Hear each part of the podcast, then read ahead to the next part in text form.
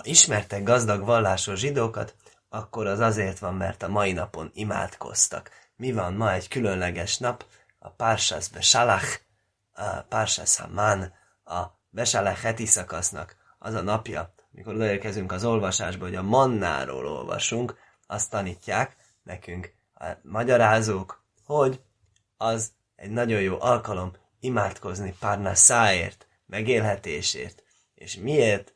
Azért, mert hogy örökkévalótól van megélhetésünk. Nincsen annál jobb garanciája a megélhetés biztosításának, hogyha az ember ezeket a dolgokat magában tisztázza. Ez azért van, mert a mi hitünk az, hogy ez az egész világ, ez csak azért kell nekünk, hogy begyakoroljuk azt, hogy hogyan viszonyuljunk a teremtőhöz, hogy hogyan bízzunk benne, és hogyha a megélhetés ügyében bízunk benne, akkor ő ezt azzal jutalmazza, hogy gondoskodik azzal, hogy ellát minket. Ahogyan olvassuk ezt a mannáról szóló részt, és erről meggyőződünk, hogy milyen fantasztikus, ugye semmit nem csináltak elődeink 40 éven át a pusztában, csak szeretettel, köszönettel elfogyasztották a manna adagot, amelyik megbízhatóan érkezett, de hát azért egy kicsit panaszkodtak rá.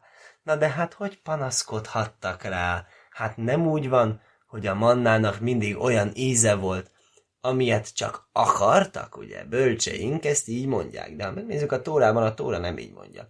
A Tóra az egyik helyen azt mondja, hogy olyan volt az íze, mint a koriandermagnak, a másik helyen pedig azt mondja, hogy olyan íze volt, mint a mézben kisütött krékernek.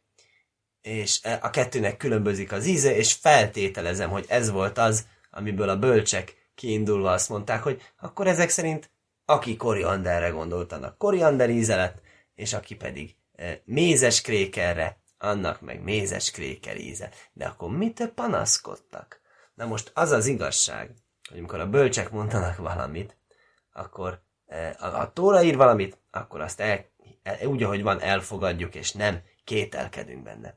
Ha a bölcsek mondanak valamit, az gyakran azért mondják, hogy provokáljanak, hogy elgondolkodtassanak, hogy összefüggésekre tanítsanak minket. Nem azért a szó szerinti jelentés miatt. Ugye a Tóránál azt mondjuk, hogy van egy szó szerinti jelentés, és van egy mély jelentés, több mély jelentés, és mindegyik egyszerre, egymás mellett igaz.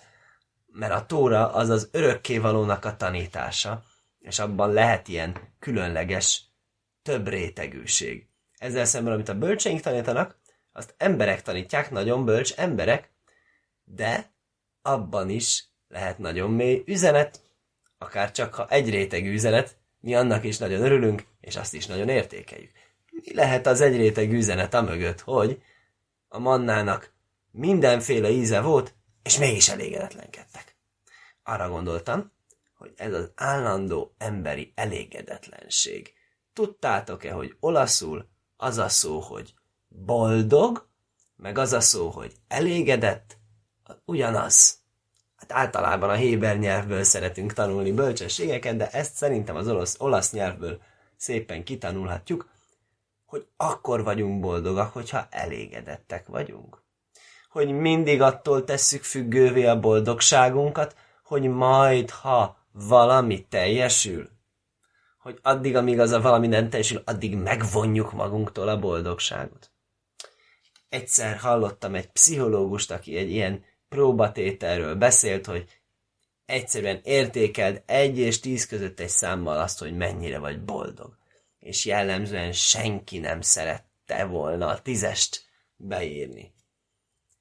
Miért? Érdekes. Én az, amikor meghallottam, az első gondolatom az volt, hogyha tíznél bármi kisebbet mondanék, és egyébként nincsen semmi nagyobb tragédia az életemben, akkor az milyen hálátlanság lenne? Ez egy panaszkodás lenne az örökkévalóra, hogy miért nem adod még meg nekem ezt, amíg ezt még nem adod meg nekem, addig én már pedig nem értékellek tízesre, csak ezzel ugye az a baj, hogy amikor megadja azt, amire most éppen vágyom, akkor majd természetesen az ember az olyan, hogy majd generál még egyet, amire szintén vágyni fog. Ezért jutottam arra a döntésre, hogy ne tegyük függővé a boldogságunkat semmi ilyesmitől de ugyanakkor az ambícióinkat se adjuk föl. Ez a kettő nem mond egymásnak ellent, attól, hogy valamit el akarok érni, attól még nem kell az, hogy amíg nem értem el, addig nem vagyok boldog.